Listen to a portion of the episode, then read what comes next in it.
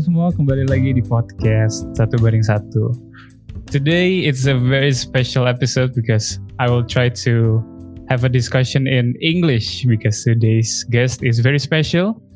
She has been studying abroad since high school and now living in the UK, finishing her university. And let's just greet her.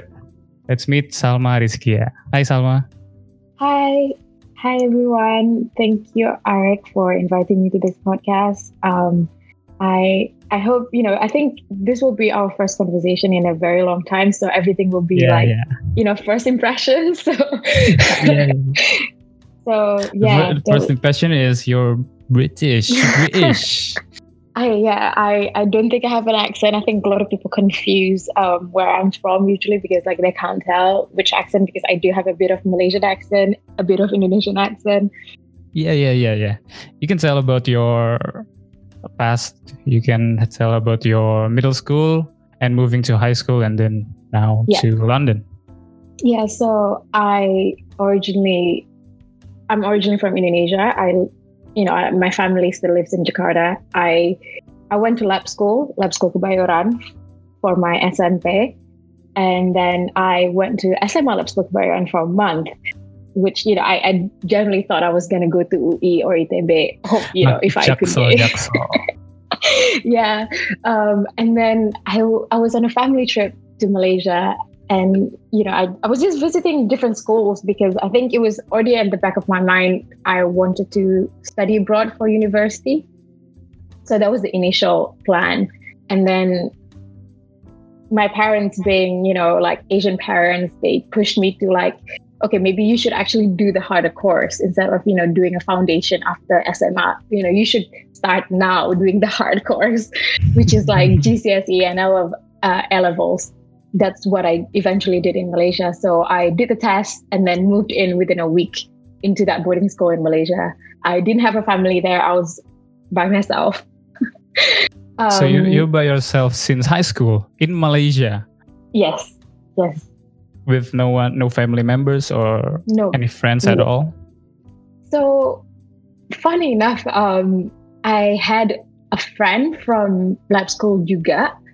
He he went to KTJ as well, so we're in the same batch. And he he he was already planning to go to Malaysia since you know since SMP, and then he you know it was it was really nice for him to like you know to be there while you know I moved in in a week. So yeah, so I only know one friend by uh, that time. Yeah, Khalif. that's, That's so listening to this frustrating, isn't it? podcast. You live Yeah, it was- all by yourself in a different country with no family members, just alone. It- It's like frustrating. it is it is kind of life changing. Um, I, I'm so glad I did that. Um, it's it really changed my life. I think you know going to Malaysia and yeah. So the school in Malaysia that I, I was talking about is College Tuanku Ja'afar, or people call it KTJ. Yeah, so that's uh, where I went to school for four years in Malaysia. Jadi SMA-nya tuh empat tahun. Um, It's so long, kalau though. Four years yeah, but then high school. the the university is only three years. Oh, So at the end, Alright, we alright. will, you know, we'll same, graduate. same. It's at the same years time, yeah. total. Yeah. So that's kind of the, I guess, the overall view of my school. Okay, so what school. do you do now? You live in UK, right? Yeah. So now I go to LSE, uh, London School of Economics and Political Science. I my degree is in economics, just pure economics, and um, yeah. And now I live in London. That's amazing, though. And you made your first YouTube account, isn't it? I've watched your videos. It's so inspiring. Oh, thank you. It's really, you know, out of boredom because I I thought to myself like, you know, it's a new year and I only have six months left as a student because I'll be graduating in July. Yeah, yeah, And- yeah, yeah. It's, you know, it's the only time for me to make mistake and to learn something new without nothing to lose before starting. lose. Yeah, yeah, that's right. yeah yeah without starting you know you know before starting a formal corporate job you know this is the only time for me to like explore other stuff you know, outside university. Do mistakes, do stupid things, and other stuff, right? Exactly. Yeah, yeah. Yeah, yeah. I mean, that's the whole point of being a that. student. Yeah, yeah, I agree. So why Yeah. though you want to study in UK, even study abroad since high school? Why? So studying abroad since high school wasn't, yeah, the plan, I guess. But studying abroad in university, I remember, you know, after UN, after UN SMP, I the national exam.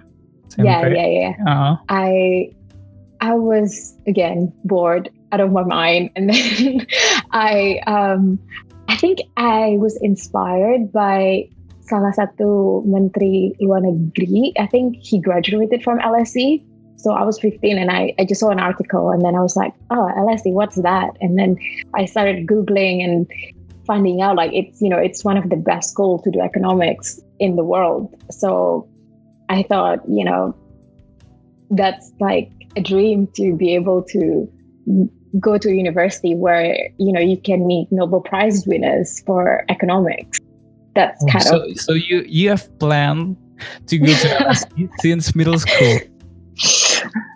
You have planned it. uh, sort of. I, I wasn't planning it, kind of, but it was kind of just at the back of my mind, like you know, LSE is like a dream school for me to do economics. So, I think I remember I was, you know, I was 15, and then I went, you know, when I was googling, and then I found LSE graduation pictures, and I sort of made that as my home screen. I, Oh, I was trying to find it, but A- yeah, a so- typical middle school student, isn't it? yeah yeah so it was kind of like a reminder of my dream to make it you know my it's, it's kind of surreal now like now you know now i'm in lse and you know i would just be having coffee in in a cafe in one of the buildings and like and like one of the nobel prize winners just walk by and buy coffee and it's just, Yeah, I guess it's just that- Yeah, it's crazy. I guess I can feel the experience to be in a one a university by the Nobel Prize winners. Yeah yeah it's it i think looking back like i didn't i didn't believe i could i could get in. So yeah i'm, I'm just really grateful. So how how do you get in? Is there a international test or? It's hard for an indonesian to simply apply to lse because you know you have to take another course that you know that are recognized by LSE. So that's why I chose to go to KTJ because you know they they have the curriculum, they have the test. I mean, they have the course that LSE accepts, and also KTJ is kind of known for being a competitive school. So a lot of their students apply to Oxford, Cambridge, LSE, Imperial, UCL, and you know even with with my own like the people in my own batch, there are around 17 people that go to LSE and around like 30 people that got the offer from LSE. So, you know, that's a lot of people to. damn? So so you've prepared and planned since middle school. That's amazing. That, that sounds crazy. That- that- that's crazy and that's amazing in another way. I guess when I'm 15, all I think about is where do I want to hang out tomorrow? Everything's don't ever think going I to did think about university. that as well. Yeah, I did think about that as well. Um, so I'm not sure if you want me to explain how A levels work. No, no, no, no, no, no. You don't need to get to the details. physically. Yeah, so I, I don't want to go to UK to start my university. so so yeah and then they ask for like personal statement there's no test so it's just your kind of grade you know for like school school grade the, the test you know the exams that you you take in school that that's the grades they they ask for and just personal statement why ls you know why why why do you want to do economics but that's why LSE though? There are so many. Oh, because it's the best economics in the world, isn't it? yeah Okay. I mean, I so I I had to apply to five different universities. Um, I did apply to Cambridge. I got invited for the interview and got rejected. But honestly, I I, I think I'm in the right place. Like I feel like um, I I just love LSE so much. Like if I imagine myself in Cambridge, I don't think I would be this happy. How's life though? How's life in living in UK, living in different social life? eating habits, different peoples and other stuff. How do you live with that? Yeah, so UK, London especially, London is crazy expensive. It's insane. Um, like the rent, like kos-kosan is like double the price of, you know, the rest of the UK. So London, like per month, it's around like 800 pounds to like a thousand pounds, which is, you know, 15 juta sampai 20 juta per bulan. For a month? Yeah, that's just kos-kosan. Damn. Belum how, how about food belum, though? Food, belum, food. ya belum belum bayar listrik sama yang lainnya. Um, belum astaga.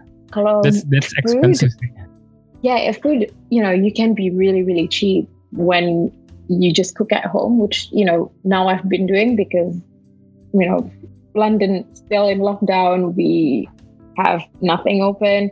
You can only do takeaways from restaurants, but or delivery, but delivery is so expensive. It's like one delivery, like just the cost, like ongkos kirim aja itu around 80 ribu sampai 100 ribu. Oh, you can buy another food. Yeah, exactly. But the food like itself costs around like 150 sampai 200 ribu. Padahal itu cuma kayak jadi kayak McD yang McD misalkan kayak nugget sama kentang aja yeah. kayak it's around 70 ribu, 80 ribu. Yeah. Yeah, so that's what I've been trying to cook. Like I, and you know, I've been going to like Chinatown to get to get Indonesian like cooking sauces, like you know, kecap manis. I finally yeah. found it.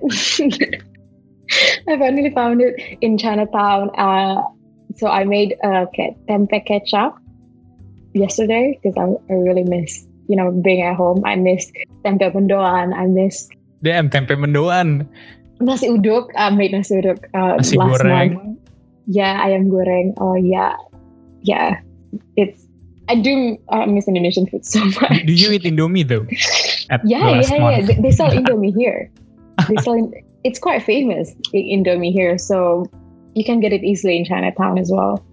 Because I live with um, another Indonesian right now. She also goes to LSE, but she she's doing a different course. She's doing economics and politics, and um, last no this, no earlier this month she went to Paris and she went to see her aunt, and then she came back with like dendeng balado. it was so dendeng nice. balado. yeah, so I ate that for a week. It's so nice. So yeah. How about I, the social life in UK? Social life, I, it's it's very different the character of London people, I guess, than our tradition Indonesia. Yeah, so uh, for LSE, LSE is very international. So actually, I think it's the most international university in the UK, meaning that there's so many people from outside the UK. So in when I say that the social life like can go two ways. So you can either which you know it, it, this happens a lot you can either just like you know get stuck with one nationality so a lot of people don't branch out and like stay comfortable with their own bubble meaning that they only you know hang you know Indonesians only hang out with Indonesians and Malaysians only hang out with Malaysians and the British people only hang out with, you know, other British people. Same with like French, same with Germans, same with Nordic people. So that so, happens quite a lot. In so you spend in, most of your time with your Indonesian friend or the London so, British people, or yeah. So I kind of made yeah, I, I kind of made a conscious decision not to do that because I thought, you know, if I want to settle down in the UK, I can't just be hanging out with only Indonesians. Not that I don't love Indonesia, you know, I think I if I want to build a life here, then I should, you know, I should learn the culture and and surprisingly, like I think when you are alone, so you're not in a big group of, for example, Indonesians, and you start to like get to know other people like it's so much easier for you to blend in with other cultures if you know if you just go out on your own. And when i you know when i tried doing that you know i met so many new people. And last um, actually last year i lived with two two brits and i'm still a very good good friend with one of them, and you know, she's actually coming to my house tomorrow. And you know, I went to Sweden um, last month with uh, two of my LSE friends. They're both British, and you know, they they're really really nice people. I think, yeah, I think the lesson I learned is to not be stuck with your own nationality. Do you enjoy living in the UK? Yes. Yes. what, what what is it that make you enjoy staying there? Is it the people or the architecture or just because you study there? What makes you feel like home in there? Yeah. I think for me, I've never really defined a home like with a place. I think, like you said, I think it's more like the people that I met that makes it feel like home. So what makes me really, what makes London feel like home is one is the people that, you know, that are really like my support system here in London and in the UK in general. And the second would be knowing, no, it's the the fact that I know I can explore so many different opportunities like right in front of my eyes. Like it's it's it's endless. Like the possibilities, like you can do anything if you put in the work here in London.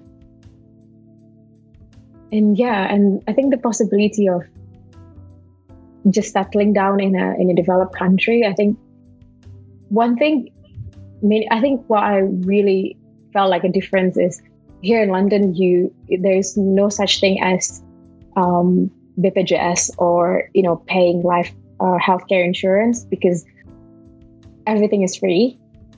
So it's all insurance by the government. Yeah, so we all it's all it all comes from our taxes. Oh, that's that's a great thing. Or or so, is it bad? Yeah.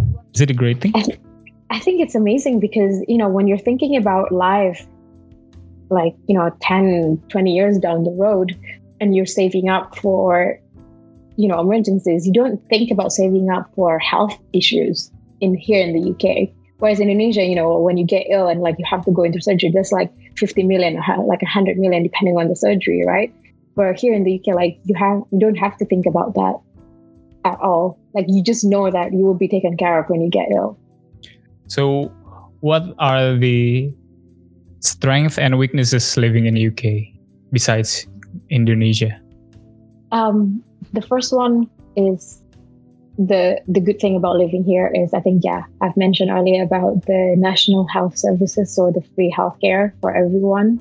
It, it covers everything except for dental. Most of the healthcare you know services are free. And the second reason is the salary that you get here. It's it's you know way more than in, in Indonesia. So that definitely you know helps you just it, it will help you reach financial independence soon sooner than but, but isn't yeah. the uh, cost of living is higher there? Yes. So yes that's the like, disadvantage of living here it's but so you living. make a lot of money but you lose it as much as well? Um, or, or am i wrong? So or, I or am i wrong? some, so, so, it depends on again how you manage your money depends on right? the lifestyle. Yeah yeah. so it is the possibility of saving so much more is higher here. Like although like yes maybe the rent is high and you know also you can save up so much more. So maybe to make comparison let's see um, so as a starting salary in the uk let me convert to indonesian actually. The minimum wage so the minimum wage is around 160 ribu per jam. That's the minimum wage. And people work for 8 hours. That's like, ah, 8 juta? 8 million a day? No? 10 jam. No, no, no. Sejuta, sejuta 600 deh. A day? 160 ribu. Ya, yeah. 160 ribu per jam. That means 1 million. Oh, that, that's a lot. That's... Yeah.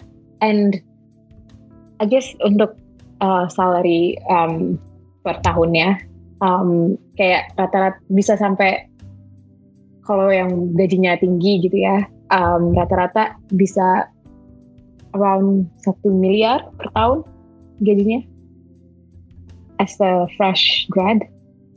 Wow, that's a year. Yeah, You'll be rich in Indonesia. yeah, yeah. So that's you know that's really the upside of living here. What do you miss mostly of Indonesia? Being you study abroad since middle school and now it's like almost seven years. Yeah, of course, there's a lot of years. things that you missed: families, Yeah. friends, Um, places, food. food, of course. yeah, and Gojek. Gojek. They, they don't have Gojek conve- there. No, no, the convenience of like, you know, sending stuff with like cheap cost And Do they have a delivery service with a bike or yeah, they they have bicycle? I mean bicycle. so sometimes they they use bikes, sometimes they use bicycles. So you just pay for the delivery fee, and who you know whoever picks up your your food, they'll get paid that much. Hmm, okay, okay. So Yeah. last question. After you get your degree, Yeah. after that, will you stay in UK or would you rather go back to Indonesia? Uh, I would love to stay. I am planning to stay. I don't think I'm planning to go home anytime soon. Will you ever Yeah. go back to Indonesia though?